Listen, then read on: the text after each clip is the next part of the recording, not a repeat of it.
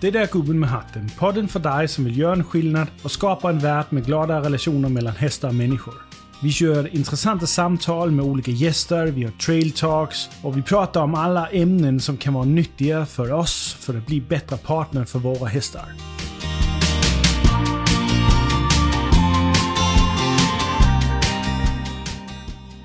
Hej min finaste vän! Ännu en podd och ännu ett djupdyk ner i vår fantastiska hästvärld. Jag älskar verkligen det jag gör och jag älskar verkligen hästar. Och morötter, för du som har sett våra livesändningar. Men det jag brinner allra mest för är dock att utbilda och lära ut. Att se ljuset tändas i andras ögon, vare sig människa eller häst. Att se folk och individer växa och verkligen utvecklas. Därför är jag också väldigt stolt över vår distansutbildning, Partnerskap med din häst. Där du kan för enbart 300 kronor i månaden få tillgång till en unik, väldigt mångsidig, djupgående och lättsmält utbildning. Du kommer lära dig massor om hästpsykologi, samarbete från marken och ryggen, massor om utrustning, träning och mycket, mycket mer. Det finns en färdig kursplan där du kan följa steg för steg, där du kan följa en häst som redan kan det. Det kommer att bli case studies för att bredda din kunskap med olika typer av hästar. Vi kommer att ta alla grejerna med olika typer av hästar så det blir lättare att relatera till. Samt olika problemställningar och olika beteenden. Spelar ingen roll om du är helt ny med häst eller väldigt erfaren och gärna vill uppnå, uppnå mastery. Så utbildningen är gjord så att den är ständigt uppdateras och ständigt utvecklas så du alltid har tillgång till det senaste från oss. Vi gör även så att du har möjlighet för att vara med på live online föreläsningar, klasser, lektioner, case studies eller Q&As varenda månad. Du kan kolla på utbildningen och anmäla dig via vår hemsida www.heartsandhorses.se eh, och då uppe i menyn står det Hästakademin eller om du scrollar ner på sidan så står det också Hästakademin. Så igen, det är www.hearts, alltså H-E-A-R-T-S, A-N-D, H-O-R-S-E-S.se. Alltså heartsandhorses.se. Så gå in och anmäla dig idag. Då får du sju dagars gratis provperiod där du kan gå in och kolla om det är något för dig. Du kan kika runt på utbildningen och kolla hur lektionerna är och om det är något som du kan eh, behöva. Och eh, annars så hoppas jag att du, eh, du eh, gör ditt bästa. Okej, okay, så Sanna Lundell. Som du kanske redan vet är hon utöver att vara en vacker och klok kvinna eh, även journalist, tv-värdinna, författare och mycket mer. Hon har en podcast som heter Inte din morsa och hon driver en häst och yogaverksamhet. Och det vi ska prata om är hur hon kom in i hästvärlden och hur det har format henne. Vi pratar om hennes syn på hästvärlden och vad hon gärna ser i framtiden. Samt även hur det ser ut för henne och hennes hästar i framtiden till och med. Kanske lite hennes unghäst om man skulle göra någonting mer där. Men vi kommer även in på hennes verksamhet som horsemanship-instruktör och hennes samarbete med Sofia Edgren som är yogainstruktör. Där de har skapat kursen Horse Yoga Love en kombination med yoga, mental balans, fokus och sedan hästarna som naturliga läromästare för att bli ett med sig själv och få livsviktiga insikter. Så de har en sån hel helgkurskoncept där man är där, man, eh, man äter riktigt bra mat och man eh, har yoga och så har man lektioner och klasser med hästarna också. Detta här är riktigt spännande och något som jag anser är otroligt viktigt och värdefullt för oss hästfolk. Särskilt med tanke på vår egen personliga utveckling till att bli den bästa partnern för vår häst som vi bara kan. Men också för att få lite mer frid i sinnet och få en, en avslappnad engagemang istället för ett stressat eller spänt engagemang. Jag tycker väldigt, väldigt mycket om Sanna och eh, ska åka och träffa henne och rida med henne till hösten. Eh, samt troligen lära mig lite mer om yoga själv. Eh, Sanna har en underbar röst som jag kan lyssna på i många timmar väldigt länge och hon har en riktigt bred erfarenhet och kunskap om många saker, inte minst hästar. Så även om Sanna har varit med i ett känt dansprogram, då har vi alltså inte kommit hit för att dansa. Så nu till mitt samtal med the one and only Sanna Lundell. Jag börjar med att jag säger hej till dig Sanna.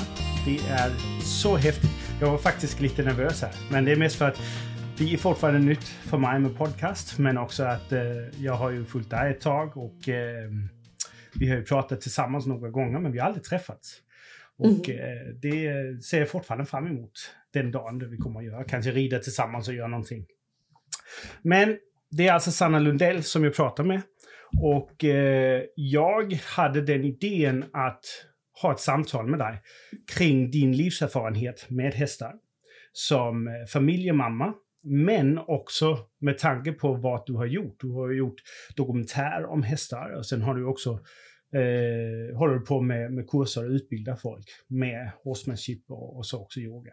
Men först, mm.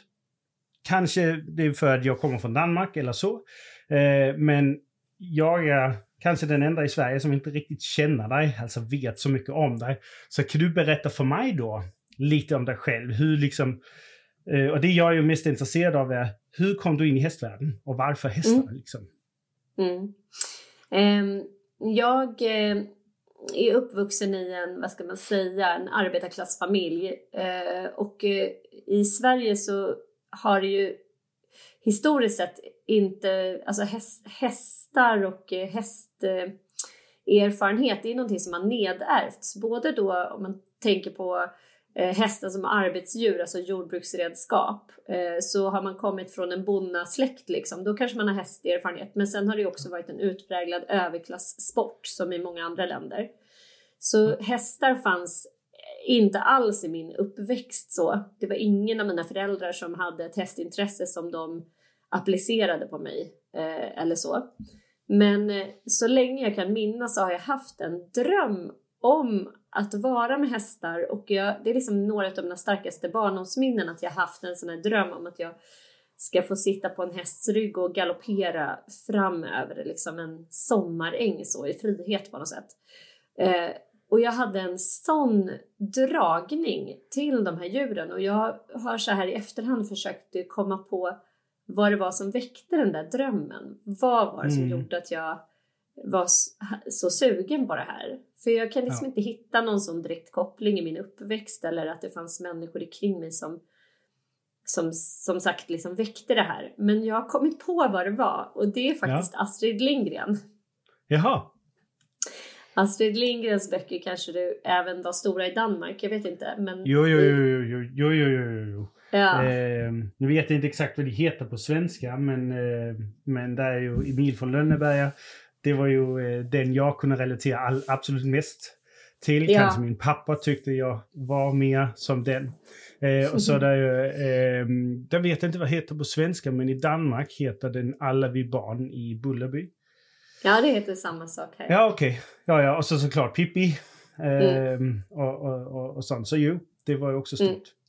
Ja, och alla de karaktärer du nämner, de barnen som eh, Astrid Lindgren berättar om, de har ju liksom extraordinära förmågor eh, när det gäller hästar. Ja. Pippi har ju lilla gubben inomhus. Precis, precis. Och liksom han, hon rider runt på honom barbacka. Jag kommer ihåg de här Pippi-filmerna liksom. Då är ju han som, ja men vilken eh, människa som helst i stort sett. Ja, ja, ja. Han går där i hennes kök och skrotar och käkar äpplen och sen är de ute på olika äventyr. Och samma sak i, i Emil då har ju extraordinära talanger att tämja Lukas då som en häst som ingen klarar av. Och så tar han bara Lukas och kommer mm. på att han är kittlig. Ja, men sådär.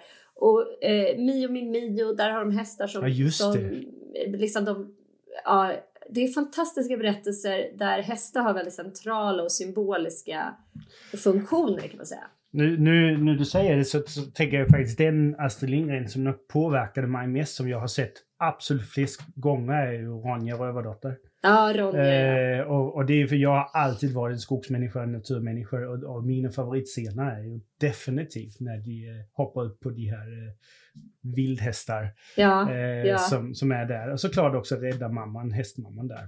Eh, ja. Från björnen. Så just det. Mm. Det har jag faktiskt inte tänkt på. Att hästar är egentligen eh, är en, en framträdande roll i, i, i hennes grejer. Ja, och de på ett eh, fantastiskt sätt tycker jag också. Hon beskriver ju liksom, hon har ju verkligen lyckats fånga vad hästar har haft för funktion i mänsklighetens historia på något sätt. För ja. hästarna är ju Alltså de hjälper de här barnen att ta sig fram och de hjälper de här barnen att klara av att ta hand om sig själva. Och de Ja. bär barnen genom massa faror och äventyr och sådär. Så det är inte så konstigt att man blir sugen på hästar om man läser Astrids böcker. Nej, Liksom. nej. Det, vill man ha ett hästintresserat barn då säger jag bara Då är det dem Astrid Lindgren, på ja. Ronja, läs liksom. Ja. eh, men sen för mig uppstod det ju då en otrolig sån krock mellan drömmen och verkligheten när jag började på svensk ridskola när jag var fem år gammal. Ja, ja. För då fick jag ju liksom uppleva en verklighet eh, med hästar där häst, alltså, som var väldigt så eh, inspirerad och sprungen ur det militära. Mm. Eh, som alla svenska ridskolor, liksom, om man tittar på svensk eh, ridsportshistoria så kommer ju liksom, den engelska ridningen, hoppning, dressyr och fälttävlan är ju liksom militära discipliner egentligen från början. ja. Och de svenska ridskolorna de uppkom eh, när militären avhästades. Liksom. Och man bara, vad ska vi göra med alla de här hästarna? Men vi startar ridskolor. Det var liksom ett folkhälsoprojekt i Sverige. Det var en socialdemokratisk process eh, och jag tror också att det här var någon form av lite så politisk grej, att det här skulle bli en folklig sport. Jaha. Från att det har varit en överklasssport så skulle den bli tillgänglig för alla. Okej, var det därför det då blev, kom så många kvinnor in också? Ett sånt, Ja, på något sätt politisk stunt? För jämställdhet eller något sånt? Ja, jag tror snarare tyvärr att det handlar väldigt mycket om att så fort någonting förlorar status, när det, in, när det liksom blir Okej, så- allmänt och sådär, Mm. då blev den tillgänglig för kvinnor och då är den inte li, lika attraktiv för män Ja. längre. Nej, liksom. Det är också min hållning. Ju, för det, först så var det ju lantbruk och transport. Eh, Transport Ja. var det ju absolut ursprungliga. Och sen Mm. blev det ju lantbruk. Eh, Men när det så blev, blev ehm, vad heter det på svenska, obsolet. När det inte liksom var nödvändigt eller användbart eller effektivt Mm. med hästar längre. Ja, men så var det bara militärt kvar. Och i Mm. militärets historiskt sett, eh, och det är ju över hela världen, då, då skulle man ju få många människor som inte var hästintresserade till Mm. att någorlunda lyckas med. Och det är därför man ser så mycket av den ridstil och man ser den här formen av mikrostyrning och, och, och, och alla de här regler och rutiner Ja, eh, hela tiden för att eh, få dem till att lyckas och kunna göra så. Sen är det lite Mm. olika typer av militära här i, i Sverige. Då kom ju det karolinska kavalleriet in och deras uppgift var ju främst bara att bara rusa in och skapa kaos. Så de behövde inte ha någon vidare kontroll över hästarna. Sen var det ju Nej. officerarna och kaptenerna och sånt, som ju hade eh, kontroll över deras hästar, men liksom grund eh, rekruten där, han skulle bara rakt in och skapa kaos så att eh, resten kunde ta hand om det. mm. Och, och någonstans har det ju har det ju tyvärr fått präglat för mycket av vardagen idag med, med hästar. För det, alltså, den historia som du berättar om när du var fem år gammal, komma in och få den upplevelse, det är största delen av hästmänniskor som har den upplevelsen. Och, och eh, den statistik man kanske inte pratar om så mycket är ju inte de som kanske får en dålig upplevelse men stannar kvar på ridskolan. Det är de som får en dålig upplevelse och slutar med hästar helt och hållet. ja, De pratar man inte om, men det är så många barn som tappar intresset på grund av upplevelsen. mm, På, verkligen. och på, det, Ja, och det jag kan se också för att eh, om jag får sammanfatta liksom mina år på ridskola så präglas den här tiden väldigt mycket av auktoritet, eh, Mm. av rädsla och Okej. av eh, någon form utav så här empatilöshet. Och, och sen förstås ändå någon slags genomgående glädje för någonstans så eh, var jag ju kvar i det där. Jag, hade, jag Ja. förlorade aldrig liksom dragningskraften till hästar. Men jag förlorade, jag ville ju sluta på ridskolan hela tiden för att jag blev rädd. Ja, Och rädslan bestod inte så mycket i kontrollförlust utan det handlade väldigt mycket mer om atmosfären och eh, känslan av att eh, liksom, om ni inte gör så här, då kan det vara livsfarligt. Om man inte Okej. gör så här, alltså de här reglerna som man fick förklarade för sig som man aldrig förstod varför de fanns till förutom okay. att det kunde vara livsfarligt. Typ, Kände du också gjorde. ett press om prestation? Alltså om inte du ja, vill tävla så är du inte med mm. och om du inte vill det här. Okay. För den har mm. jag också hört. Jag har inte hört den här mm. med, med eh, att, att man, man nästan blev pressad till att skulle vara rädd för hästarna på något sätt. Mm. Men jag kan absolut förstå det. Eh, när jag var, var liten då, då gick jag inte på ridskolan men min mamma hon var på ridskolan för hon har alltid haft hästar. Hon var eh, dressyrdomare för, för ja, ungdomarna och sånt. Så jag var alltid med och sprang mm. liksom bakom och på höloftet och hittade sådana här dammiga eh, små kringelverkor. Alltså, alltså, men jag var ju också med hästarna, men jag var inte där, så jag, jag upplevde inte det samma grej. Jag visste bara att det som de gjorde med mm. hästarna, det var jag inte intresserad av. Nej. Men, men, eh, men det är ju så den andra jag, jag blev satt upp på en häst när jag var fyra. Och sen har jag aldrig riktigt klivit av eh, från hästen sen dess. Det var ett, ett tid under tonåring där jag hade ett uppehåll för jag spelade eh, elithandboll i Danmark och sen mm. var det lite sånt här, du vet, grupptryck och pojkarna och sånt. Hästar, mm. det var sånt som tjejer gjorde. Och, så det, det bockade jag under. Men drömmen om att vara Zorro, det var fortfarande liksom, den, den, den fanns kvar alltid. Och så cowboy. Mm. Eh, mm. Men, eh, ja, ja. Okej, okay, så men du är ju journalist. Uh, har jag läst, ska jag vara ärlig och säga. jag mm, googlade. Mm. Uh, och um, och, och har ju gjort massa annat än bara hästar. Men har det alltid funnits då? När du liksom kom upp, eh, du var i ridskolan och sånt, så skaffade du egen häst då eller? Ja, jag var 14 år när jag fick min första egna häst. Jag, jag slutade på ridskola så fick jag bli medryttare och det passade mig så mycket bättre. Mm. Eh, och då fick jag bli medryttare. Det var också det där att jag liksom kände att jag hörde inte hemma i svensk ridsport. Alltså jag tycker också att det är klokt att göra skillnad på Eh, alltså hästar kan vara så mycket mer än Svenska Ridsportsförbundet.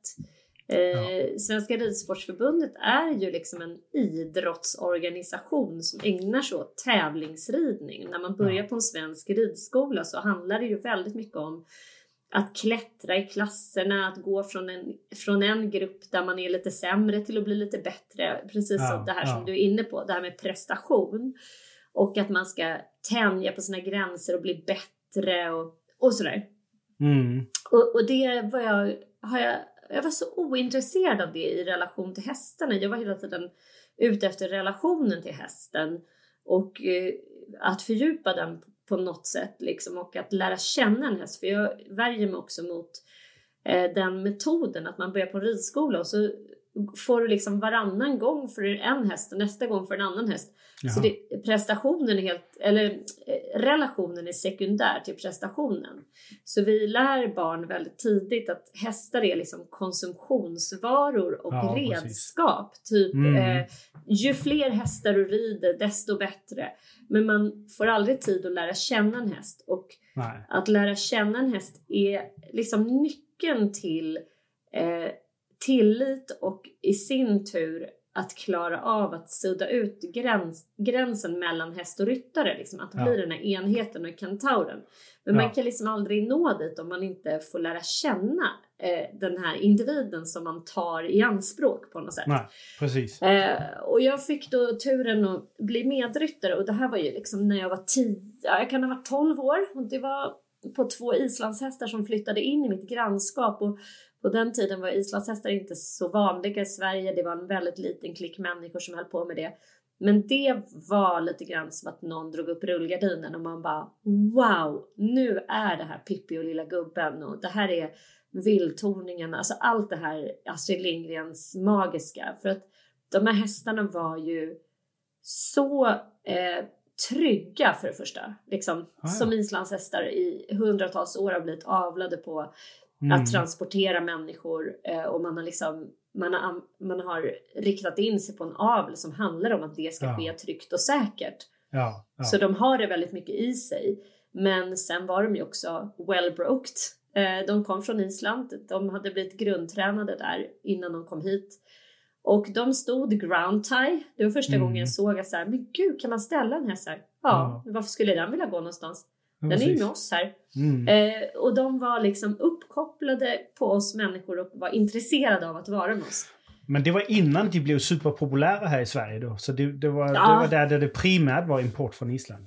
Ja, det här var precis i början och, och det var Ja. liksom i begynnelsen och det var också en väldigt rolig typ av värld. Eh, av någon anledning då så var det massor med män i den där världen. Alltså det var ju Mm. massa, i, i, alltså så här, ganska udda existenser också som kanske ville starta något turridningsföretag och som köpte in liksom 50 islandshästar på ett bräde från Island och, och så skulle de lära sig rida och så bara tog de hit någon islänning som fick bo här och alltså det var ju en nybyggaranda i hela den gruppen som ja men vi hade så fruktansvärt roligt på de här hästarna och eh, det var just då jag fick liksom uppleva eh, känslan av att eh, bli ett med en häst för första gången tillsammans Mm. med de här två hästarna. Att vi liksom bara kunde göra allt. Vi bara red, alltså vi gjorde ju halsbrytande äventyr, bara red över Skurubron. och- Ja, men vi gjorde helt galna grejer med de här hästarna och det var otroligt viktigt för min Ja, jag fick en sån nytändning i, i allt som hade med hästar att göra då. Ja, Verkligen. skönt. Ja. Och sen och, så, eh, så var det tonårsålder och ja, då allt sånt. jag, ja, men sen, sen var jag, saknade också det som jag saknade med islandshästarna. Som jag saknade ändå, som jag också kände, det var ju liksom dressyr. Alltså att... Mm. Eh, eh, jag ska inte säga att man underskattar islandshästars eh, intelligens, men lite grann tyckte jag att man gjorde det då. Det handlade Okej. väldigt mycket om så här full fart framåt, ut i skogen, att använda dem liksom i trail rides och så Okej, var det bara det de här var gångarterna. Det var Väldigt fokus på ensformigt, alltså gångart. gångarter. Mm. Ja. Mm. Gångarterna så här. Så jag saknade ändå det lilla jag hade börjat få känna på vad en häst är kapa- ka- kapabel till att utföra liksom. Ja. Eh, så jag kom tillbaka till den engelska ridningen och så köpte min pappa en Connemara till mig. Och eh, då fick jag min första egna häst och det var liksom en helt annan typ av häst. Han var fyra år gammal, han var väldigt, han hade en väldigt sån eh, extrovert, liksom eh, flyktig personlighet. Han var all over the place och väldigt så här, ängslig häst liksom. Mm. Eh, så det var, då hade jag fyra år med honom, fyra väldigt nyttiga år och det var också en, en stor, vad ska jag säga, det var liksom en utveckling i hela mitt hästmannaskap att få eh, försöka hitta nycklar till att göra honom trygg och lugn. Liksom. Hur kan vi ta oss igenom livet och få det så tryggt som möjligt för honom? För han var Ja. väldigt eh, ängslig häst. Okej. Var, det så det, Mm. var det så han som fick dig in på, eh, på horsemanship-vägen och, och, och den biten där? Nej, hur, alltså- hur kom du till det? Nej, han, tyvärr inte. Men det var den hästen som jag kände så här, jag hittade liksom aldrig någon bra nyckel. Jag hittade Nej. aldrig något bra sätt. Jag var, red massor med lektioner och träningar för olika tränare men det var liksom, handlade bara om, om, om eh, olika, ja men de här, så här nu ska du få honom lös. Alltså allt det här att man aldrig fick det förklarat varför. Att så här, han sökte ju ett tryggt ledarskap. Så det var sådana här förm- fasadsymptom och problem som det blev fokus på och inte Ja. underliggande? Ja, Mm. jättemycket. Symptomlindring bara så här. Men vi, vi nådde liksom aldrig till en kärna där han fick eh, vila på något sätt. Eh, och sen sålde jag honom och hade några hästfria år och sen började jag rida igen. Och av en slump så var en kompis med mig som hade börjat rida västern som tog med mig till Okna Ranch som ligger i Nyköping. Ja. Mm. Eh, och så fick jag liksom testa att rida västern och det var liksom som att jag bara då hade jag så här, när jag skulle börja rida igen efter mitt uppehåll, jag började rida på ridskola ett tag och så bara, men gud det här kan jag inte hålla på, jag kan inte betala pengar för att komma in på liksom eh, sta, vad hette den här, Östermalms ridskola? Och så blir man utskälld på en lektion. Och det är återigen så här, nu kan du för fan inte rida där! Då fattar du väl att det kan hända, alltså du vet det var så här, hästarna var så jävla mycket symptom på stress så att det var bara som att kliva in i en så här, ja men hela det här ridhuset bara osar adrenalin Ja, och ja. så här, det är bara stress, det är en massa vanvettig ilska som far runt både hos hästar och människor. Jag bara, nej men jag kan inte betala tusen spänn för liksom Nej, jag kommer in i det miljön. det går, jag kan inte försvara det för mig själv. Nej. Hur gärna jag vill än vistas med hästar. Nej, men så fick jag följa med ut till Okna och då fick jag rida västen för första gången. Och det var väl liksom då jag landade i att så här, herregud, kan det vara så här? Det, det är för, för första gången jag fick rida på liksom. Det här var ju också en, en amerikansk import, en reininghäst som men var liksom otroligt well-broked och eh, tränade reining och tävlade i futurity och liksom den ja, kunde galoppombyta ja. allt. Det är som en Grand Prix-häst liksom. Ja. Fast den var hur jävla cool som helst. Mm. Och jag var bara så här, hur åstadkommer man det här? Hur, ja. kan, hur gör man en häst så här? Och det var liksom då träff, alltså då, alltså horsemanship är ju ingen egen disciplin eller natural Nej. horsemanship som vi säger i Sverige det är ju grundträningen av den unga västernhästen. Och alla hästar i västernvärlden eh, är ju mer eller mindre liksom skolade enligt den principen. För att kunna få en, en västernhäst så måste man göra den här grunden.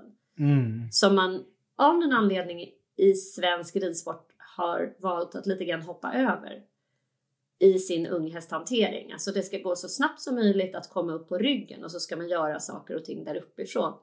Ja. Medan eh, det här markarbetet och ledarskapsövningarna eh, Alltså jag har aldrig stött på det i Sverige tidigare.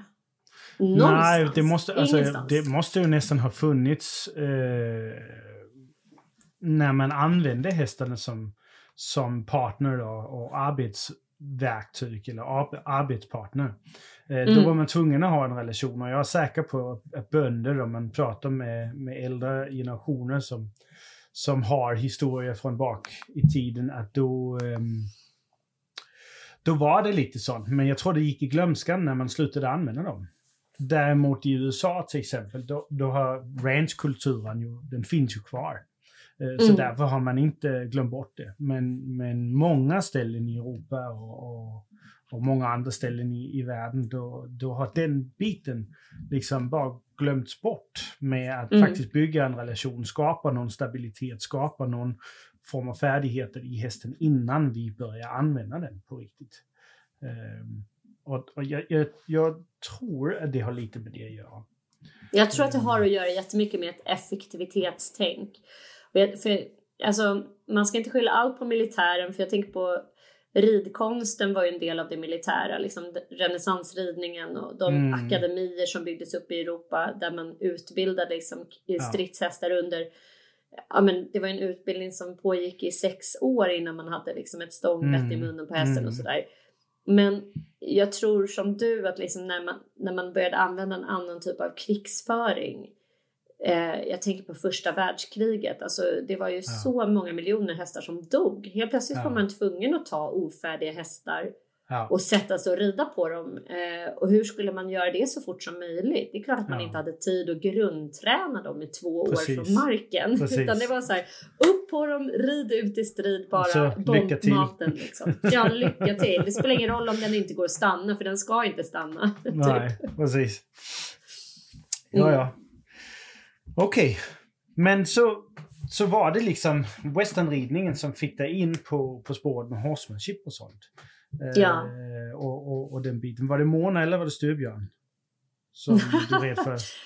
Nej, det var ingen av dem som var där. Det, det var, var Göran Lindström. Det var Göran? Okay. Gö ja, Göran och Therese var okay. på Okna då. Hade precis liksom tagit över och började bygga upp ja, en okay cutting eh, inriktad liksom ridskola och verksamhet. Eh, och där, där kom jag in i bilden så jag började rida på deras ridskola där och eh, hängde där hela tiden och det var en av mina bäst, eller en av mina vänner hon var då delägare i det eh, AB. Ah, ja. Eh, så, så vi hängde otroligt mycket där. Det blev en stor del av, av mitt liv liksom att, att vara på Okna och försöka lära mig allt om västernridning och bara få umgås med de här hästarna så mycket som det bara gick. Och ganska snabbt så eh, fick jag faktiskt av min kille, han är lite impulsstyrd ibland, då köpte han ett föl till mig för de hade uppfödning där. Och det var ja. då jag var så här, men gud, hur ska jag lyckas? Jag menar, jag har ridit in massor med hästar engelskt. Eh, ja. Men därifrån till så här, hur ska jag lyckas göra en västernhäst av den här hästen? Alltså hur fan ska det gå till? Um, och då bodde jag dessutom i stan. Jag kände jag kan inte ha den här hästen så långt bort. Jag måste ha henne närmre. Och av en slump så träffade jag då Katrin Nyman och Jana Heinola. Jag fick liksom tips om dem. Så här, men de håller på med horsemanship. Du, de kan hjälpa dig att rida in den här hästen och göra grundträningen. Mm. Och Jana eh, hade då också eh, instruktörskurser. Eh, då blev man liksom instruktör i natural horsemanship. Och det här var ju 15 år sedan. Mm. Nej, 12 år sedan. Så jag hoppade på den här utbildningen. Min häst var då två år och hade precis liksom suttit in henne och då hade jag ju henne med mig på de här utbildningarna. Och eh, ja, då var jag det var som att då hittade jag hem. Bara, det, här är det, det här är det jag har letat efter hela du, livet. Okay. Ja. Ja, ja. Ja det visste, jag visste inte du hade blivit instruktör hos Jana. Mm. Jag visste faktiskt inte Elsa, hon utbildade, utbildade instruktör. Jag visste hon gjorde väldigt mycket och har varit väldigt inflytelserik här i Sverige. Eh, mm. Just med horsemanship och, och få spridit det budskapet. Eh, mm. Vilket jag tycker är riktigt, riktigt bra. Okej, okay. så det kanske är en liten... Eh, eh, det är en extra fråga. Av allt vad du då har varit igenom, för det, mm. nu, nu, börjar vi komma in på det som jag egentligen också gärna vill prata om, om, om horse-yoga och så. Eh, men av allt vad du har varit med om än så mm. länge, med både min, din dokumentär med flocken och, och, och, din historia upp till, till nu och så. Vad mm. har påverkat dig mest? Vad har varit mest inflytelserikt för dig, för där du är idag? Inom hästen? Eh. Mm,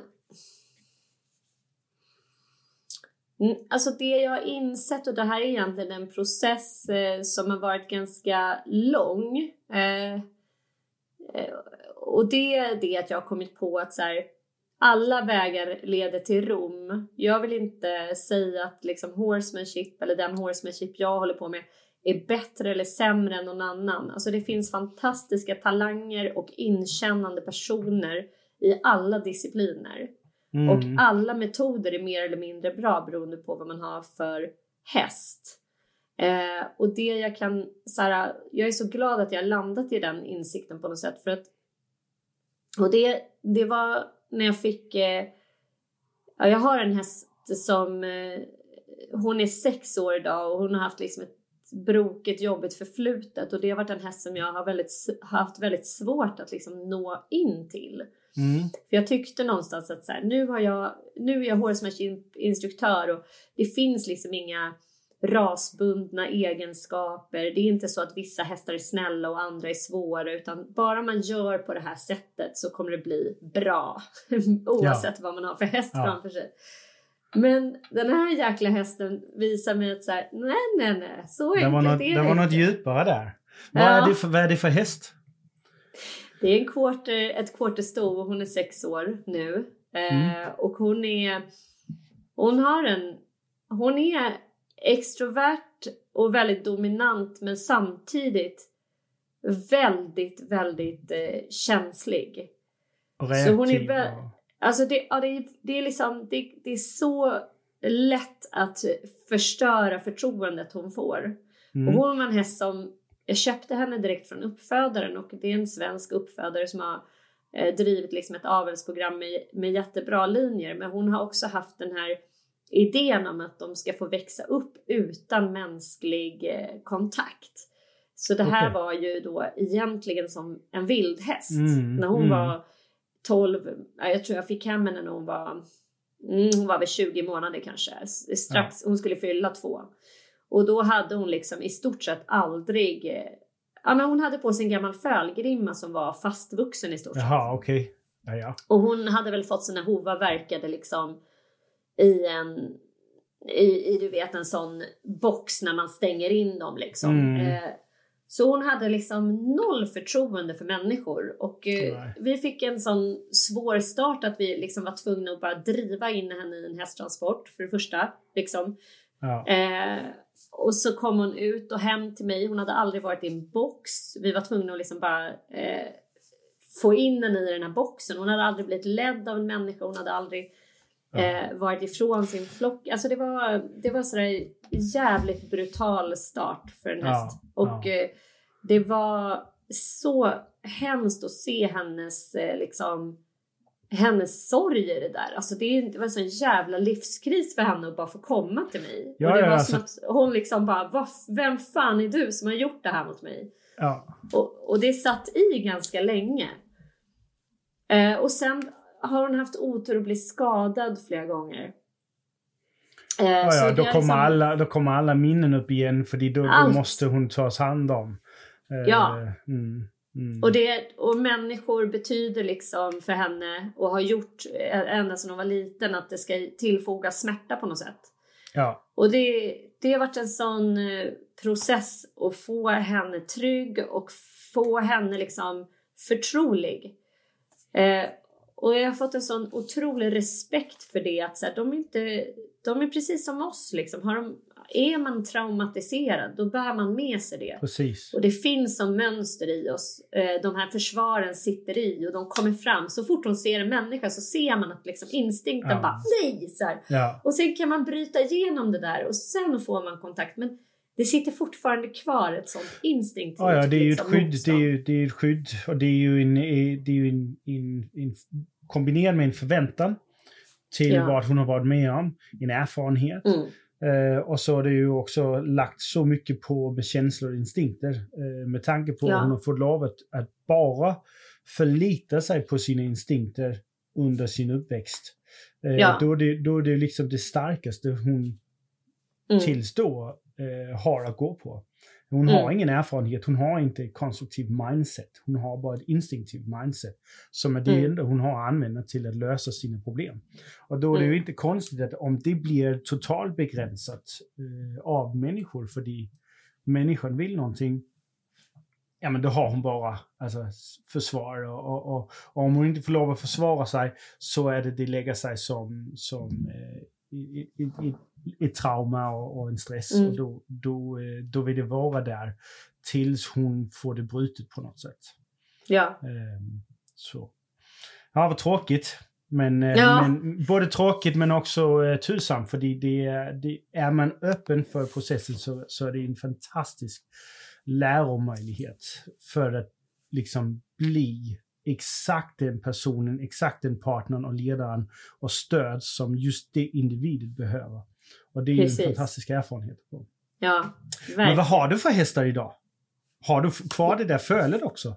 Ja. Ja, ja. Ja, ja, och det är också någonting som växer sig starkare i mig. Liksom att så här, och där, det, där skulle jag vilja säga att yogan kommer in i bilden. Alltså Mm. yoga i Sverige har ju också kommit att bli en, så alltså en prestationsidrott. Vilket Ja, ja. det absolut inte var från början. Utan Nej. yoga är ju liksom en filosofi och det är en inställning till livet och det är en inställning till allt allt levandes eh, okränkbarhet på något sätt. Och eh, under mina, jag brukar säga min hästöken, men under de år i mitt liv när jag inte hade häst, och det var mellan 19 och 25, då tränade jag väldigt mycket yoga för att Alltså jag, jag vet inte hur du var men liksom har, håller man på med hästar och är van att ha hästar i sitt liv då blir man ju så jävla rastlös när man inte har hästar i sitt liv. Åh jag, du, var, varenda vinter så börjar det liksom... Åh, det var jag ska här- ut nu och, och jag Mm. har eh, all päls på mig som de fäller och ja, ja, ja, men jo, ja, jo Nej, men jag varenda liksom- vår. Det är så många timmars rörelse eh, per dag som man får gratis med hästar och så helt plötsligt när man sitter där i en lägenhet då känner man sig som ett djur i ett bur liksom. Och då började jag träna yoga så jag tränade otroligt mycket yoga under de här åren och eh, då då var det liksom vidgade också min blick på hästar. Eh, apropå att jag inte vill göra mig av med mitt föl. Och jag tänker så här att de hästar som jag köper, de vill jag ogärna göra mig av med. Mm, ja. För att eh, det är liksom, de blir ju ens vänner. Alltså, Mm. Och de blir ju en del av ens familj. Och, och sen är det klart att jag kan ha inställningen att jag försöker skapa så pass trygga hästar så att de ska fungera hos flera andra människor. För hästar lever länge och det finns massor med olika skäl till att man måste Ja. omplacera dem. Ja, ja. Men det är så lättvindigt som det görs. Liksom. Eh, det, det har jag svårt att se liksom, när man bara så byter ut. Nej, jag vill ha någonting som är lite bättre. Jag vill ha Ja, men det är ju inte lite så. konstigt. Det är ju inte konstigt om man har fått samma uppväxt som du har fått. Mm. Att hästen egentligen är sekundär och, och, och bara ett redskap och så, ja, men så backar vi. Eh, för det, det funkar inte riktigt eh, för mig och jag ska ju prestera, det säger alla jag ska och det funkar Mm. inte men så måste jag ha något annat. Och då kan den här komma ut. Eh, så, så, så det är tyvärr inte så konstigt men det är, det är sorgligt att det är så. Ja. För det, då, då, då missar man ju det helt grundläggande med hästar, Mm. vilket är relationen. Hästar är relationsberoende djur. De Mm. lever i flock, de lever och överlever på grund av relationen till de andra individer i flocken. Mm. Och det, det är väldigt, väldigt synd att den fundamentala kunskapen bara inte eh, liksom är tillgänglig för största Mm. delen av hästmänniskor. Eh, Det borde Ja. vara grundläggande. Jag tycker det borde vara grundläggande och jag menar vi har en djurskyddslagstiftning i Sverige som är väldigt bra om man jämför med andra länder. Men den kan bli ännu bättre eh, tycker jag och eh, jag som sagt ju äldre jag blir desto svårare har jag att se hästar som lever begränsade liv. Jag tänker de blir väldigt gamla. Eh, jag ser fortfarande så många hästar som har stereotypa beteenden och som lever med hög ångest och hög stress Mm. helt i onödan. Alltså, Mm. vi tar de här djuren i anspråk ett par timmar på ett dygn. Kan man inte under dygnets resterande timmar låta dem leva ett liv eh, som är så likt eh, hästens liksom, naturliga liv som möjligt? Och det, vi Ja. har ju de förutsättningarna. Varför vill vi inte? Och då handlar det återigen om pengar. Att Ja. vi inte vill riskera skador. Vi, vill inte ris- alltså, vi har inte råd att köpa de marker som hästar behöver Precis. vi liksom eh, och det det tycker jag är synd och det är också en sån stor eh, del av mitt hästintresse nu att försöka skapa ett så bra liv åt dem som möjligt. Ja. Eh, och som sagt, jag har fyra hästar idag och eh, eh, jag har mitt sto som är 13 år. Han har jag haft, det är min första quarter som jag fick då när jag började rida västen. Mm. Och hon blir 13 i år så hon har ett föl nu som är två i år. Och så har jag min, det här sexåriga stoet som har haft en väldigt eh, ja, jobbigt, jobbiga erfarenheter då med sig. Och sen har jag en, min dotters gamla ponny som är 17. Jag köpte precis tillbaka henne. Jaha. ja, för det är typiskt liksom att skomakarens unge, mitt barn, hon, eh, hon har blivit en sån riktig prestationsryttare. Liksom. Hon tycker inte att det är roligt om hon inte får tävla. Och, nej, nej. och hon, Men- hon var liksom... Mm. Den ponnyn tror jag jag har träffat nere på Skyrup. Ja, har- ja, du känner Ja, ju ja, Anna ja. Wemler. Ja, ja, ja. Just det! Ja, precis. Jag, jag träffade ju eh, Olga också där nere. Någon gång. Ja! Jag minns att hon berättade om dig. Hon var så glad att, eh, att du kom till Anna. För alltså, Olga är ju min dotter. Liksom. Hon är ju skolad i båda världar. Liksom. För hon, tycker, hon, hon älskar ju Anna och Anna har haft jättestort inflytande på hennes hoppintresse. Och, Mm, mm. tävling och så. Eh, men eh, hon upplevde ju också det är så jobbigt liksom när man Ja, men när, vi, när man som jag då håller på med flummerier med horsemanship och Ja, repgrimmor och grejer. Och många liksom i den generationen bara tittar snett och är såhär, gud vad är det Ja. där för något jävla liksom, Ja. konstigt du håller på med? Så, här. så jag minns att hon var så glad att du var där och att du var en del i deras läger och var där och undervisade. Ja, men det var lite Mm. intressant för jag började med en sån här, eh, ja, bara en liten samtalsstund där alla tjejerna satt tillsammans och gick igenom, fick deras namn och sånt. Eh, Ja. och, eh, och sen under tiden jag var där och, och, och utbildade, då fick jag lite en uppfattning av att, att eh, Olga, hon var lite en som de andra hade fått hjälp av också. Med lite Mm. olika saker, gå igenom vatten eller något sånt. Men jag hade ingen aning om vem liksom, hon var eller, eller det, var, det var först en bra stund efter att eh, jag tror Anna sa, nämnde det eller något sånt. Ehm, men då, då, då, då fick jag liksom den uppfattningen. Hon ställde också några bra frågor, minns jag. Ehm, när det var att, att jag var där. Eh, mm. Sen var det ju typ 20 tjejer eller så, så att, att komma ihåg alla från, eh, från, ja, från den stund är, är, är, ju det. Jaha, men då, då har jag nog träffat den ponnyn. ja. Det, var kul.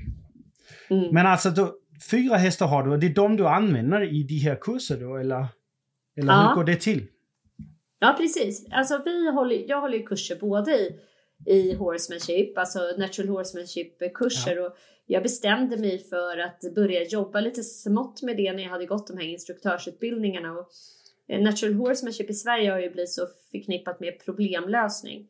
Ja. Eh, och det var liksom det man hade att vänta där ute. Människor som behövde hjälp i, i sin relation till sin häst. Ja. ja och mycket så lastningsproblem och mycket, ja, alltså, min häst vill inte gå ut i skogen eller stanna vid grinden och sådär. Mm, mm. Så i början så var det ju mycket liksom att åka ut till ekipage och hjälpa till.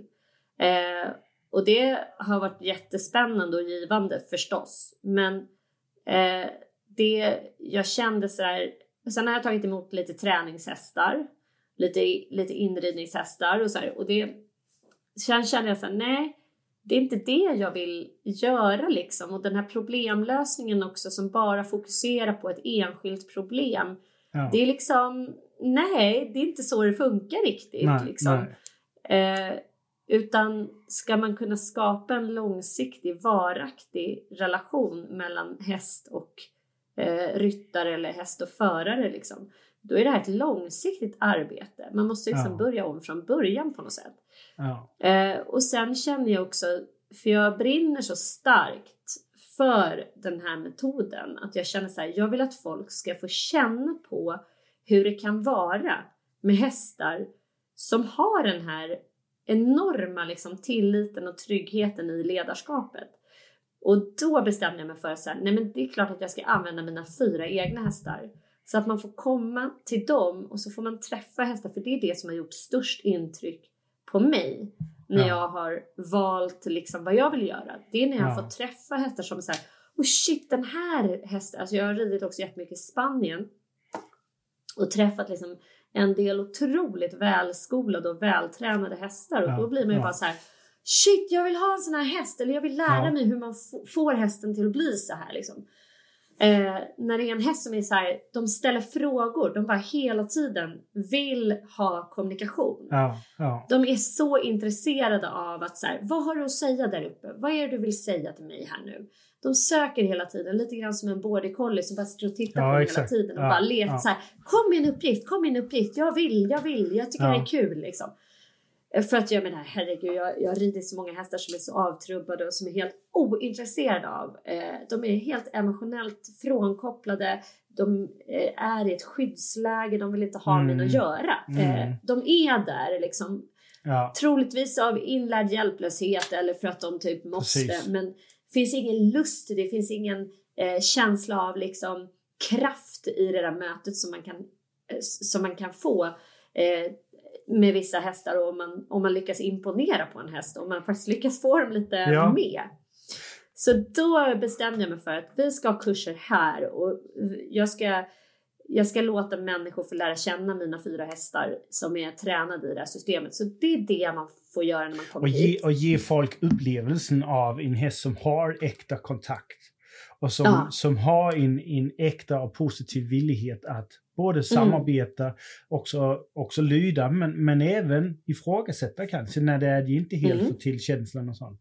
Det är ju en, mm. en fantastisk gåva. Det, det var ju det som, om jag hörde rätt, det var lite det du fick första känslan av när du bytte och blev medryttare på de här islandshästarna. Ja. Då fick du den känslan av att det är något annat än mm. bara mm. det här utskiftande och, och, och, och, drilla runt på en ridbana. Och så igen också i, i western på Ockner Ranch, då fick ju du känna något helt, helt annat med en, en mm. skolad. Inte bara en skolad häst, men en häst som hade en stabilitet. Ja. ja. En häst som, som inte bara, alltså dels en häst som har lärt sig att tänka, alltså mm. som eh, har lärt sig att förhindra sina instinkter på något sätt. Eh, men sen också en häst som är intresserad, för det är det jag tycker är så fantastiskt när man, om man lyckas eh, grundträna en häst så att de bibehåller liksom lust i kontakten med människan. Att de ställer sig och är så här, hej vad ska vi göra idag? Vad, ska vi, vad, vad är det för kul vi ska göra Ja, idag liksom? ja. Eh, att, de fakt- att det finns en lust med i det och en lekfullhet. Ja. Mm. Ja, kul. Jättekul. Och sen så, så, ehm, så har du en väninna sen långt tillbaka, som du sa i Mm. telefonen, eh, som är yogainstruktör. Och Mm. eh, då gissar jag ju att det inte är den här typ tävlingsyoga eller prestigeyoga som det handlar om, utan det är den mer genuina, äkta yogan som primärt handlar om en självinsikt. Alltså få Mm. både, alltså nu, nu är jag inte super insatt i det, men, men min uppfattning är genom olika samtal med folk som är yogainstruktörer, är det, det handlar om att få en självinsikt, få en frihet, eller frihet, men också frid i sitt sinne och sina känslor genom fysisk aktivitet. Är det rätt? Mm. Verkligen. Eller, mm, Ja, men det, ja, du är helt inne på rätt spår. Mm, det, för att göra det kanske ännu mer liksom flummigt så handlar yoga jättemycket om att lära sig, alltså självinsikt kan ju vara väldigt mycket men eh, det handlar extremt mycket om att genom andning lära sig att kontrollera sitt eh, nervsystem. Alltså att eh, genom olika typer av tekniker eh, reglera sin ångest till exempel. mm, Eh, att komma till avspänning. Eh, men också att eh, aktivera eh, det här sattviska tillståndet. Att man är klar, vaken men ändå avspänd. Och alltså den här balansen. Och när, när jag liksom har suttit och, och satt mig in i det här så bara har jag sett såna jävla tydliga... Men det är precis det vi gör i horsemanship'en. mm. Vi vill att våra hästar ska lära sig att reglera sin flykt. Ja. Vi vill ge hästen olika verktyg för att liksom inte agera på flykt och att inte vara kvar där. Att kunna säga Ja. stopp, det räcker, du kan kliva ur den här paniken du är i nu. Det är lugnt, Mm. jag är hos dig. Ja. Och yoga handlar ju väldigt mycket om självledarskap. Att man, blir, att man, att man lär sig att själv reglera sin, ja. eh, sitt påslag av stresshormoner Jaha. och så vidare. Och att också kunna koppla på det. Eh, för det är, en annan del av yogan, att liksom gå upp Mm. i eh, en aktiv. Och det är precis det vi gör med hästarna. Att man eh, lär känna hästens olika, vad ska man säga, eller liksom, hur ska man översätta det? Men jag brukar prata om kraft och energi. Mm. Och det gör ju du också. Att liksom, det är med kraft och energi som vi förmår hästen. Alltså tryck och eftergift. Jag gillar inte riktigt de uttrycken. För de, de är för, liksom för trubbiga för att förklara vad det är egentligen man gör. Ja, sen har de ju blivit feltolkade och felförklarade så pass många gånger nu så det är ingen eh, äkta eh, faktisk förklaring på det längre. Eh. Så det har ju bara blivit ett, ett eh, skällsord nästan. Eller, Ja, men jag, jag blir så upprörd när jag hör... Alltså framförallt så just nu så eh, är ju den här positiva förstärkningen, den, vad ska man säga, metoden när man bara använder sig av positiv förstärkning och jag tror de kallar det för relationsbaserad träning, vilket jag, bara det blir irriterad på att de eh, liksom tar den, det patent uttrycket. på det. Mm. Ja, tar patent Mm. och framför allt att de försätter sig i ett läge där det måste vara ett motsatsförhållande till det vi håller på med. Eh, och där Ja. man vill omdefiniera då tryck till att det skulle handla om våld eller hot om våld. Och det Ja, är det ja. inte. nej. Det är inte det och det har aldrig varit Nej, det. är- det är synd när en, en utforskat eh, beteendemanipulationsmetod, som det ju egentligen är, eh, blir lagt om till en, en, en träningsmetod eller utbildningsmetod eller utvecklingsmetod innan, nu i det här tillfället för, för hästar men också för hundar och, och så. Eh, Mm. och om man då skapar en community kring det så är det en, en stor, stor risk för att det blir som en religion. Och då i Ja. en religion är det alltid en fiende. Mm. Eh, och, och detsamma har tyvärr också hänt med natural horsemanship. Eh, där finns också de typer av metoderna där de har skapade en community innanför deras typ av horsemanship och sen har de Mm. skapat en religion och, du, och, och, och så blir det så där också. Men det jag tycker är synd är Ja, och- att, att de skapar fiender. Ja, det, det är det jag menar att så här, alla vägar leder till Rom och jag, jag tänker också att så här, eh, jag älskar till exempel att Peder Fredriksson, alltså där ser jag en sann förebild att han fördömer ingen av de här metoderna utan Nej, han exakt. plockar det som Precis. funkar från alla. Han är så här, åh gud nu vill jag testa lite det här och jag tror på det här och jag ska testa om det här Undersöka funkar. det. liksom. Ja, ja. Att man undersöker och det råder jag alla till att göra. Stirra sig inte blind på metoden utan så här, plocka det som är bra. För det jag har tagit med mig från positiv förstärkning eh, det är liksom att vissa hästar, alltså alla mina hästar går igång på beröm. Och det gör mina hundar också. Och det är liksom om man kombinerar tryck och eftergift och tydligt ledarskap med att då och då belöna med en godbit eller en klapp eller liksom ett överdrivet bra! ja. Då går det ännu snabbare. Ja, men det, det är ju det. Och det är ju det som egentligen forskningen säger. Nu har jag, jag har läst, kanske inte allt, men stort sett allt, den forskning Mm. som just de här eh, klickarträna och, och relationsbaserade och, och belöningsbaserade och R plus-folk och sånt. Eh, Mm. de, eh, de pratar om och refererar till. Och det, och, och det som jag tycker är synd, det är att det blir rätt belöning och fel belöning. Eller rätt Mm. förstärkning och fel förstärkning.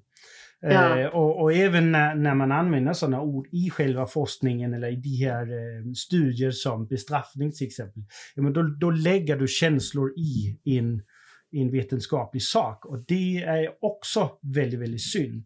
Och samtidigt så, så blir det ju så också att, att för forskningen är i största del rätt så neutral Mm. den som de refererar till. Den är väldigt neutral.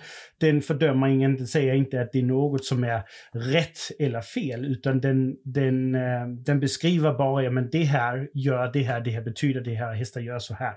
Eh, men när det blir till sådana här träningsmetoder så är det man går in och skapar en fiende för det är oss mot dem och, och det blir rätt och fel. Och så är det, där, där skapas den här eh, missuppfattning kring de olika grejer. För, Ja, och det, det följer precis samma mönster som... Jag är ju gammal religionsvetare i botten. Jag, jag läste religionsvetenskapliga programmet och läste religionspsykologi och sektens psykologi. Och Mm. det jag kan se som sagt att så här, om man nu brinner för metod och det handlar ju väldigt mycket om att man vill skapa ekonomiska förutsättningar för en liten rörelse att eh, få Ja. fäste. Ja. Och då sektens psykologi innehåller just det elementet att man motsäger sig alla andra eh, metoder och ska skapa fiender. Alltså att det här Mm. är bara fel. Det finns liksom Ja. Eh, det här är farliga metoder och det här är metoder som är, eh, som är fruktansvärda för hästar och sådär. Och eh, det verkar ju funka liksom för att Ja, Ja, de är bra på att använda deras retorik på ett sätt så Ja. att, eh, så att eh, allt annat, eh, om man inte Framstår just ger mat, eh, då tar man inte hand om relationen och, och, och, och allt annat är fel och etiskt fel. Och, ja, men det, det är ju den retorik som man, man ju tyvärr hör och, och, och det är synd. För, för det första så är det ju exklusivt. Eh, alltså man Mm. exkluderar ju alla andra. Eh, Mm. Istället för att eh, inkludera så som Peter Fredriksson han gör ju. Alltså han, mm, han är ju, ja, hans häst är all in men han är ju all inclusive. För han tar Ja. ju från alla andra eh, och, Mm. och, och forskar i det, undersöker, ser vilka meriter finns det, vilka användbarheter finns det som jag kan Mm. använda till att främja mig själv och min häst och därmed min prestation. Och det tycker jag är, eh, vad heter det på svenska, alltså väldigt prisvärdigt. Alltså det är eh, Mm. applåderingsvärdigt. Mm. Det, är sånt, det är sånt som får mig att ta av hatten. Och jag ja verkligen. tar Jag väldigt sällan av hatten. Även om Nej. inte har på den nu. Så okej, okay. men vad, vad, vad intressant. Och då har de ju så alltså startat det här med horse yoga för att hjälpa folk till att få självinsikter och, och komma, eh, det jag tror du letade var eh, i en, eh, En harmoni med sig själv så man kan harmonera med andra och harmonera med Mm. hästen. Och känna också, och det är lite det du beskriver när det är folk kommer till dig med dina hästar, det är att då kommer en person som kanske inte är i harmoni, kommer Mm. att träffa en varelse, en individ som är i harmoni. Som Mm. försöker medvetet och villigt och lustfullt att harmonera med den människan. Och då Ja. hjälper ni till både med horsemanship-tekniker och sen också yogan. Mm. Eh, att hjälpa det individet sen att kunna komma i egen harmoni för att då också kunna harmonera med den andra varelsen. Har jag Mm. fattat rätt?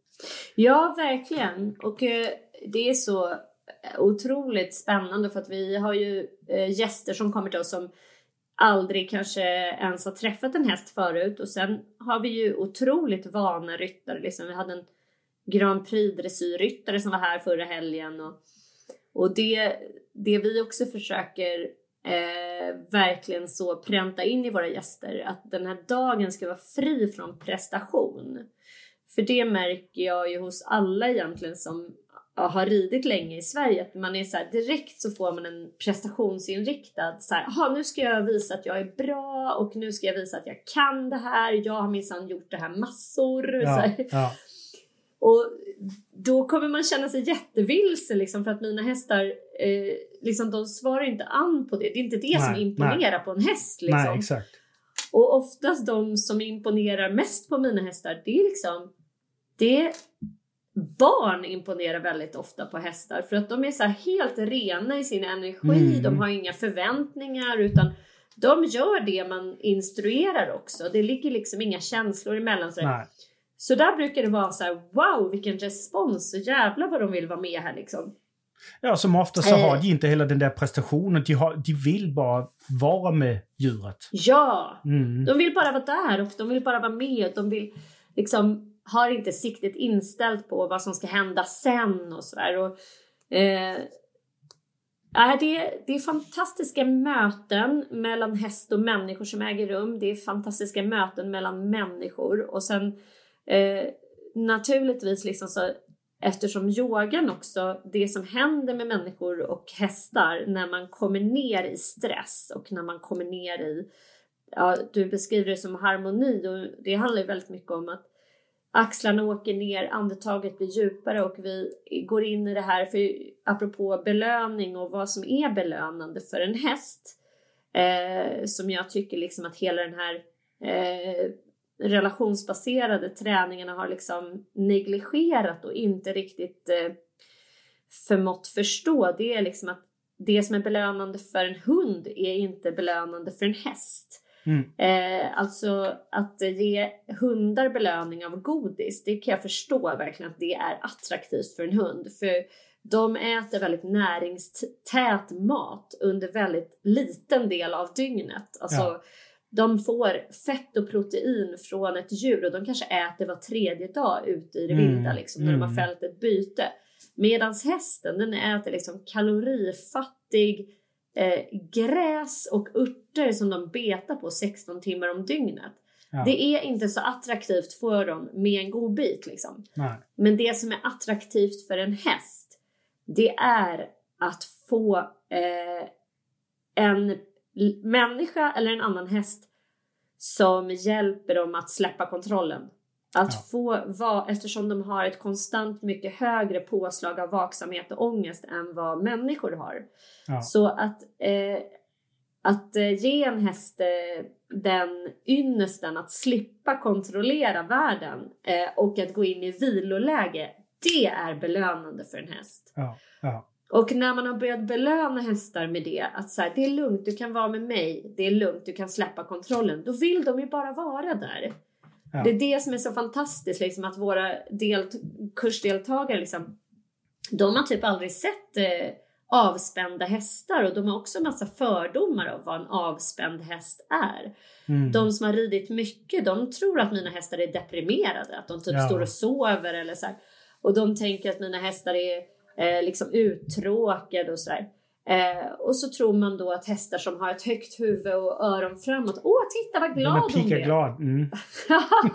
och jag bara, nej hon är jättestressad Ja. nu liksom. Vi responderar inte på det utan vi har, vi har liksom fått lära oss om hästar på ett felaktigt sätt. Eh, men det som händer med alla, eh, både hästar och människor när vi håller de här kurserna, det är ju eh, att, häst, att, att kanske att man för första gången får umgås med hästar i den här totala harmonin. Och sen har vi haft olika teman och nu i helgen hade vi kurs och, och under april månad så har vi tema gränser. Mm. Att liksom eh, om man nu ska kunna komma till relation med en häst eller en människa så kräver det eh, att man till att börja med respekterar varandras gränser. Och ja. det gäller liksom att vi respekterar hästens gränser men framförallt att de respekterar våra gränser. Om man inte har den ramen så kan man aldrig eh, nå till den här eh, känslan av att bli ett tillsammans. Nej. För att det måste finnas liksom stoppord. Nej, jag vill inte mer. Eller oj, nu blev jag rädd. Liksom. Eh, både för häst och människa så tillit bygger på att det finns gränser som ja. den andra parten respekterar. Ja. Mm. Ja, att man håller de löften som man har givit. Alltså man, man håller de löften och man respekterar de gränser som, som mm. som blir avtalad eller som blir förklarad. Absolut. Ja. Absolut. Men det är du och, vad är det hon heter? Jag har helt glömt Min partner heter Sofia Edgren. Hon är Sofia. som sagt yogalärare sedan många år tillbaka i en, mm. en yogaform som heter embodied flow. Den, det är en, en yogaform som, som eh, vill frångå den här prestationsinriktade ja, det som har vuxit fram i västvärlden eh, där man ser yoga nu idag som liksom ett sätt att bränna fett typ ja. och så här, motionera. Men embodied flow handlar jättemycket om eh, att känna in sin kropp och att inte pressa kroppen till att utföra rörelser som, som man inte är färdig för att utföra till exempel. Det det är en väldigt tillåtande och fri form av yoga som är helt fantastisk och den handlar väldigt mycket om det här nervsystemreglering. Ja. Eh, och det tycker jag är så, så spännande och där, där blir jag så inspirerad att jobba med hästarna. Liksom att ännu mer förstå att hästar har så förhöjd vaksamhet och ångest och vi eh, i vår horsemanship och i vår relation till dem eh, faktiskt har skyldighet att lära dem att slappna av.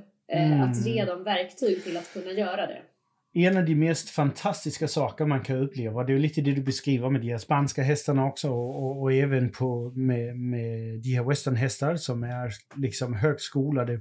Det är den här mm. avslappnade engagemang. Ja. Eh, det, det, det, det är det det handlar om, för vi har alla provat att rida en häst som var väldigt engagerad men långt ifrån avslappnad. Mm. Som, alltså man vet bara att den är inte under kontroll och det är bara en fråga om tid innan vi tappar kontrollen och så går det helt fel.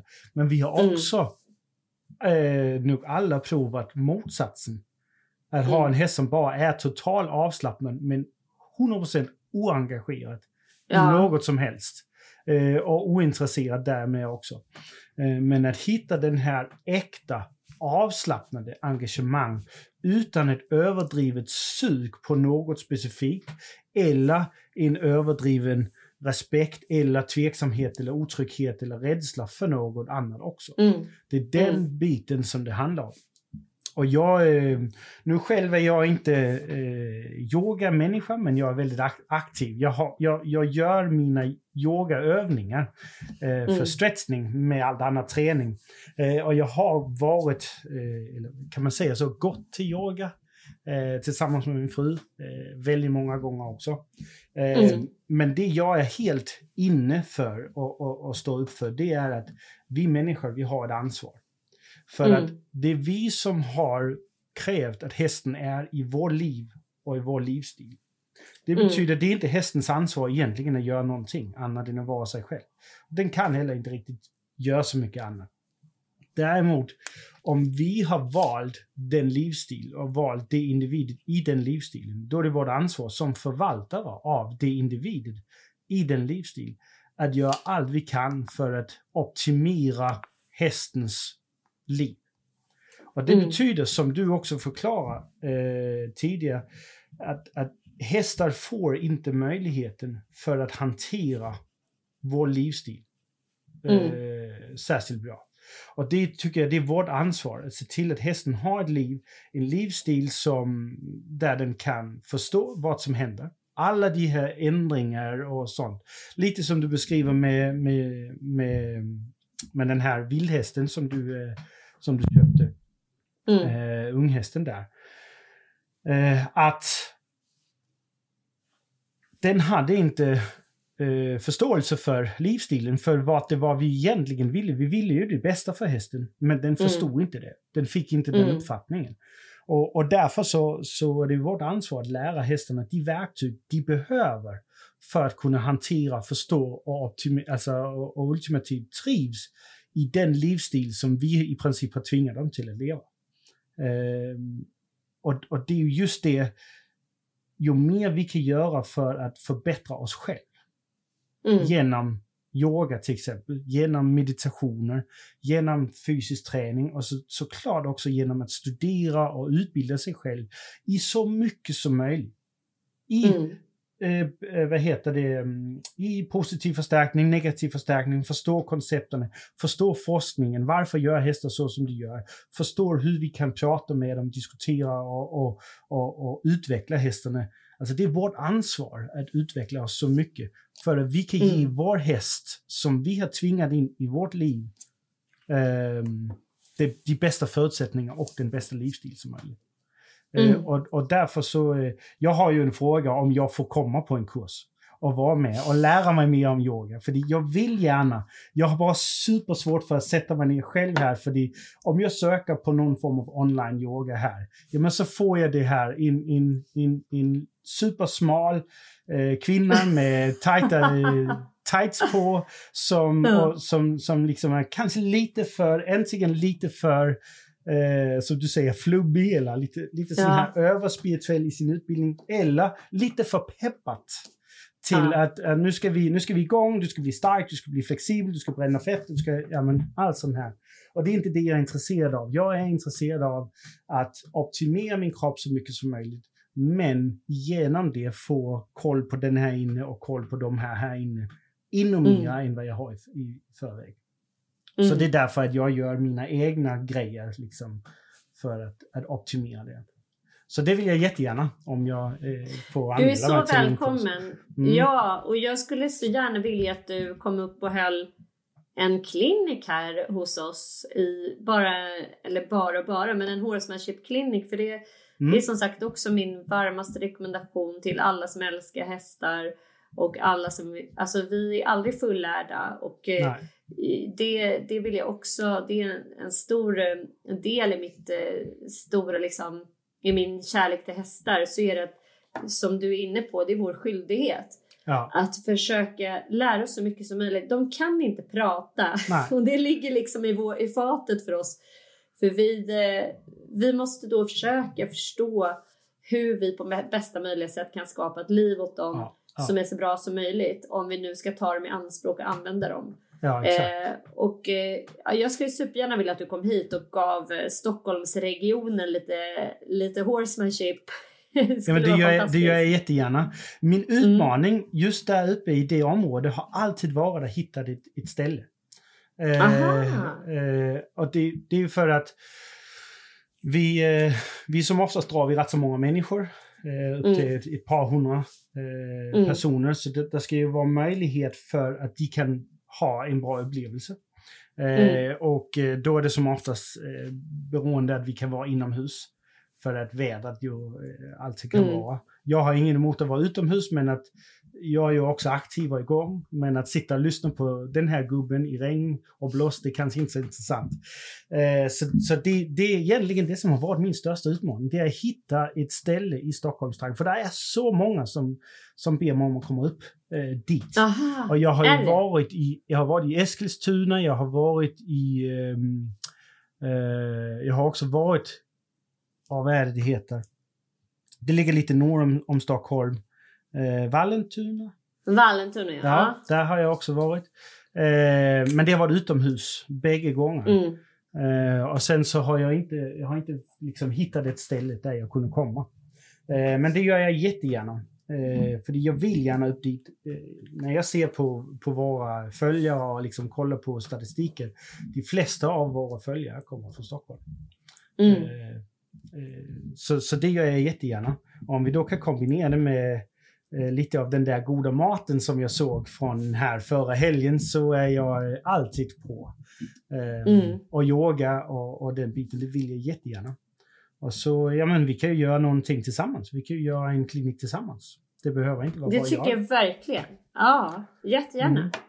Spännande. Ja. Jag, vet flera bra anläggningar här. Okej. Det finns ett, eh, ja men vi, ska, vi får ta det när vi inte poddar. Ja, ja, ja. eh, Vi, ska, vi ska ta fram någonting och det skulle ju vara som en dröm om du kunde komma här i Mm. eh, augusti eller september någonting så skulle vi kunna bygga upp en hel dag där vi liksom Ja. du eller kanske till och med två dagar så gör vi en bra kombination där vi pratar och man kan få ett dagar. yogapass. Och, ja, Mm, mm. ja.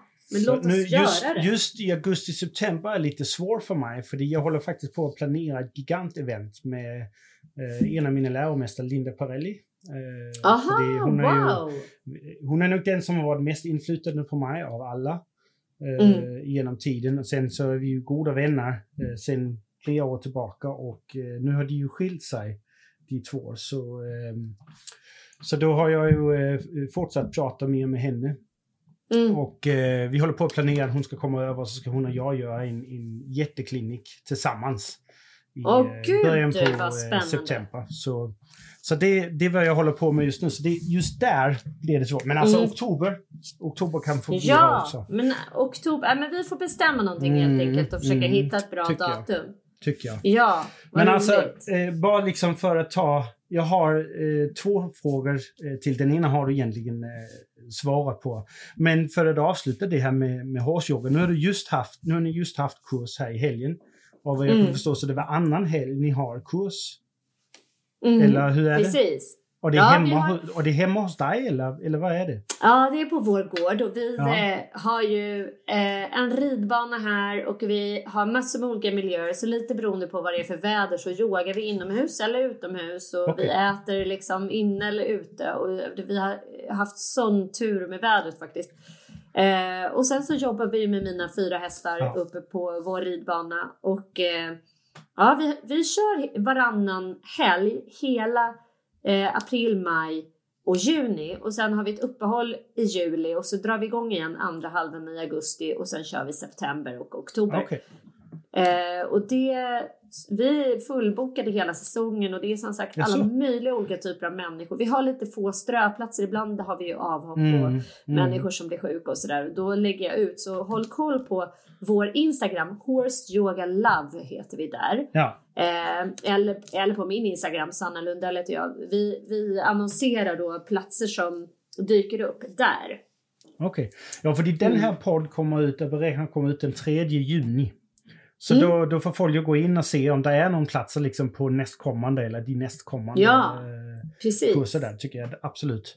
Eh, och eh, det är nog också runt där att jag får lite tid till att komma upp dit. Eh, om Mm. inte det blir först till, till oktober, så, så eh, kan vi göra det. Så kan jag komma och, och, och hälsa på, det gör jag jättegärna. Sen vill jag ju gärna, alltså jag är lite nyfiken, eh, och det är min professionella nyfikenhet som eh, självutnämnd hästpsykolog. Eh, Ja.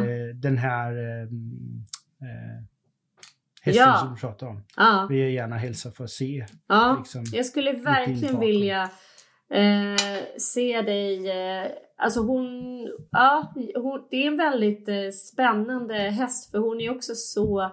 Hon svarar direkt och det är väl det som är grejen när de har sådär intakta eh, instinkter. Att hon läser ju av människor mycket snabbare än vad mina andra hästar gör. Ja. Och hon, alltså mitt föl som har varit hanterad sedan dag ett, hon är ju bara så här, hon har ju en sån genomgod inställning Ja, till människor. ja. Alltså hon älskar människor. Och, eh, men, men, min, an- min, men den här sexåringen, alltså hon, man ser direkt, hon läser av blixtsnabbt om det Ja, här är en person som hon kan lita på eller som hon vill ha Precis. att göra med. Och, eh, så det, hon är väldigt spännande. Men hennes erfarenhet har troligen också lärt henne att ta beslut väldigt, väldigt fort.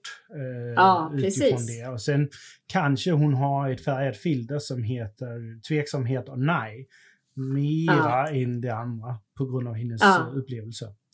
Ja. Eh, ja. ja, men det, det vill jag jättegärna. Det vill jag jätte, jättegärna. Ja, du är så varmt välkommen. Mm.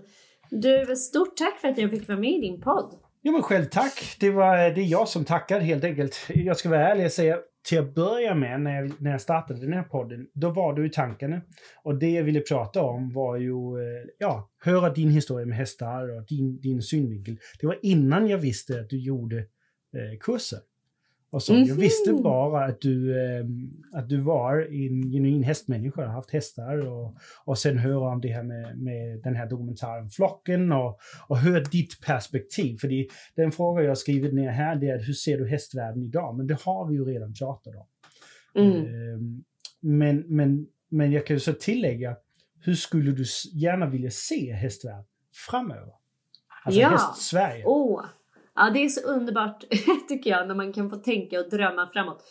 Jag skulle, vilja all, jag skulle så gärna vilja se en växande häströrelse och jag säger rörelse därför att jag är ju väldigt intresserad av hästar som läkande eh, element. Ja. Alltså ja. vi har haft hästen i vår eh, direkta närhet i tiotusentals år och hästen har varit en väldigt stor del i mänsklighetens utveckling.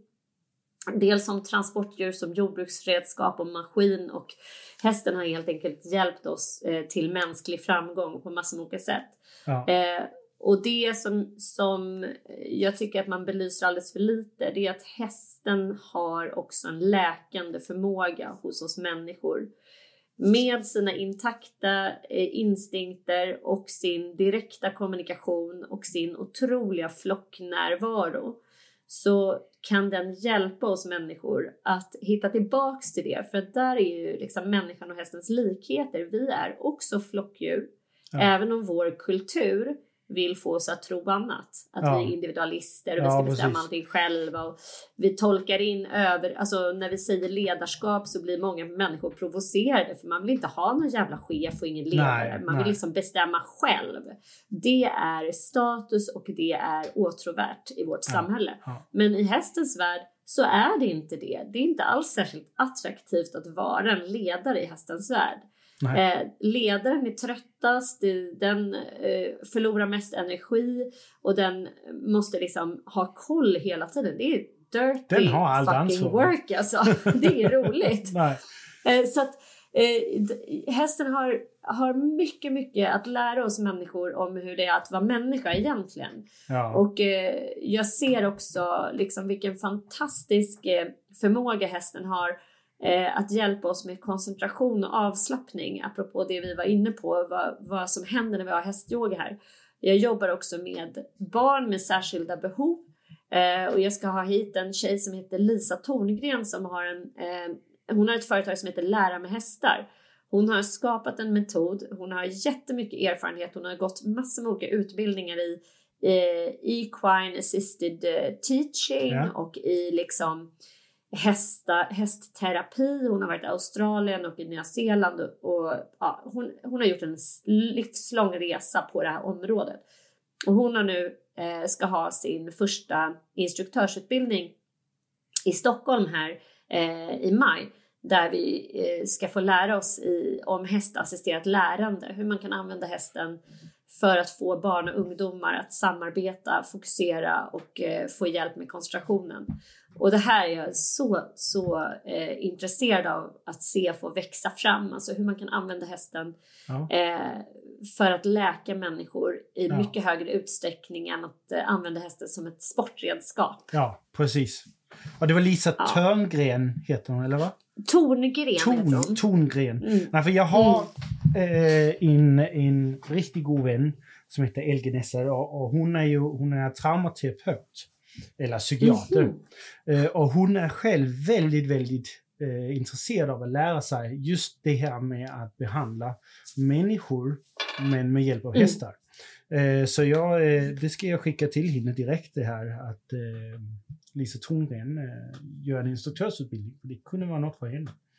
Ja, och det, alltså den metoden som Lisa baserar, alltså de, de, Lisas metod är ju baserad på flera vetenskapliga studier som mm. visar att eh, det här fungerar och eh, det är det så, och den är också förhållandevis ganska enkel att applicera och hon har jobbat med ett projekt eh, med eh, Malmö ridskola. Eh, när hon byggde den här metoden i Sverige, hon bodde ju massa år i Australien men när hon kom hem hit och ville liksom försöka få den här metoden att eh, flyga och sprida sig. Då vände hon sig till olika ridskolor och så gjorde hon ett samarbete med Malmö ridskola och Rosengårdsskolan. Så att en del, eh, en del då elever som hade olika typer av problematik fick ju komma då och eh, gå eh, hennes program med hästarna.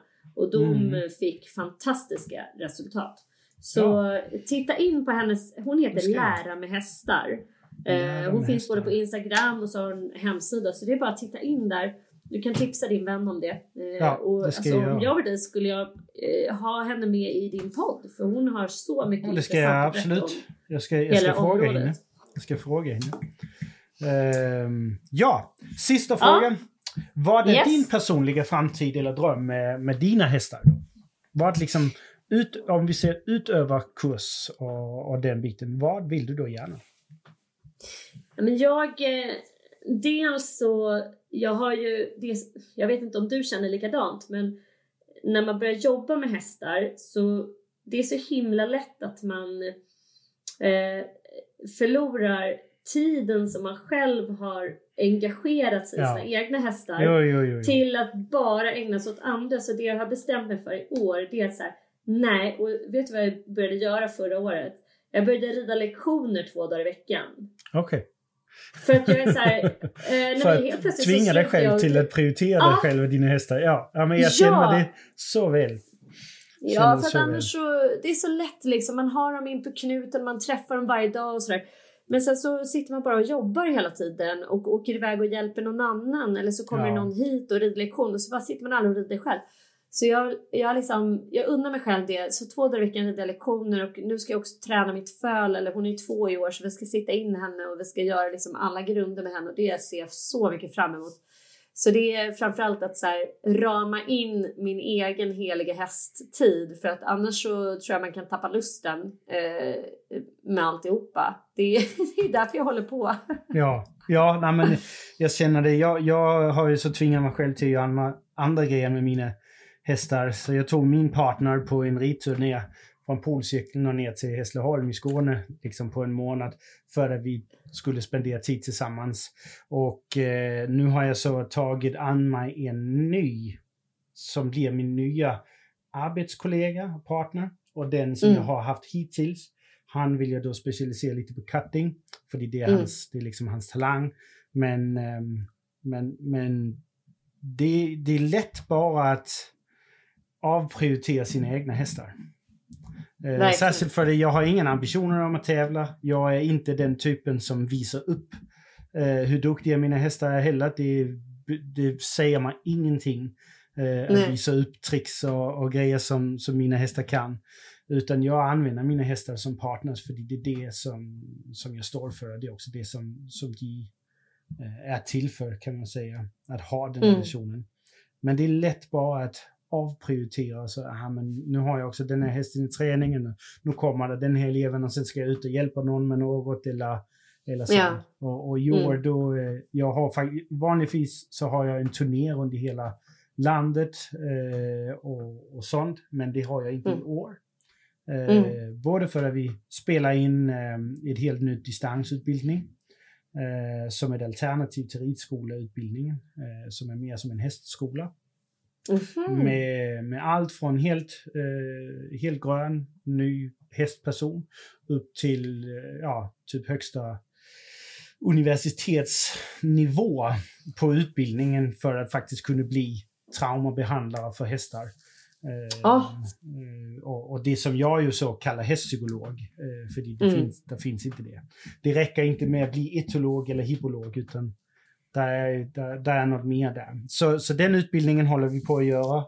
Eh, plus är vi, vi håller på att spela in vårt eget tv-program till, som då är online än så länge. Med förhoppningen mm. om att eh, tv vill eh, plocka upp det. Igen, primärt för att spi, sprida det budskap som du pratar om, att det finns så mycket mer i hästvärlden än prestation och prestige och sport. Eh, ja. Sport är bara en liten del av hela hästvärlden.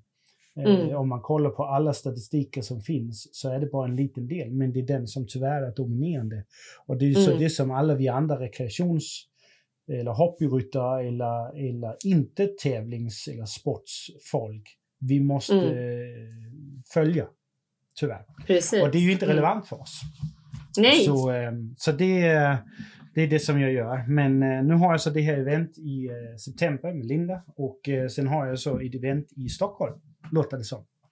Eh, Ja, vilket men jag ser fram emot. Du, var ska du ha ditt event med Linda? Eh, det blir antingen eh, någonstans här i Skåne eller i Göteborg. Eh, det är ju en fråga om att hitta ett stort nog ställe som, eh, som har alla faciliteter ju. Men jag har lite Mm. öga på eh, Bökeberg. Eh, de har ett Mm. riktigt, riktigt bra ridhus. Och sen så Mm. har jag eh, ett ställe jag har varit på tidigare i Onsala, alltså Onsala ridklubb eller något sånt. Har också ett Mm. rätt så stort ställe. Eh, men, men förhoppningen är att det kommer i alla fall en 500 eh, pers eller kanske ännu fler, för det är ju trots allt är Linda. Eh, Mm. så, så vi ska ju ha ett ställe som kan, eh, kan ta det. Jag tror personligen så drar jag väl 300 pers själv Ja. som Mm. max. Men Linda alltså, hon skulle ju gärna kunna dra någon mer från hela Norden. Alltså. Och det ja. Så, eh, så det, är- det är där och det är för att det är därför vi då väljer Malmö eller Skåne eller Göteborg. Det är för att liksom göra det lätt för största delen av Norden och inte bara Sverige. Eh, Mm. Att komma dit. Så både Norge och Danmark kan åka till Göteborg. Eh, Mm. Och så liksom det mesta av resten av Sverige kan åka dit om man verkligen vill. Mm. Gud vad Så- bra, men Mm. säg till om du vill ha hjälp och att jag kan lägga ut i mina sociala Ja, kanaler gärna. att det blir och sådär. Så, Ja, gärna. Ja. Men Ja, eh, jag ska prata spännande. med henne ikväll så, så då ska vi nog färdigspika det ikväll. Ja, men med, med datum och allt. Mm. Du, Härligt. tack snälla du Ja, för själv idag. tack. Jag måste avrunda nu. Ja, Jag ska ja. in i ett annat möte. Jag beklagar, det blev ett sånt här snabbt avbrott, men Sanna hade ett annat möte som hon eh, var tvungen att gå till. Ehm, men annars, så eh, som alltid, så vill jag säga så här. Ta åt dig. Lär dig. Gör ditt bästa och sen gå ut och gör en skillnad.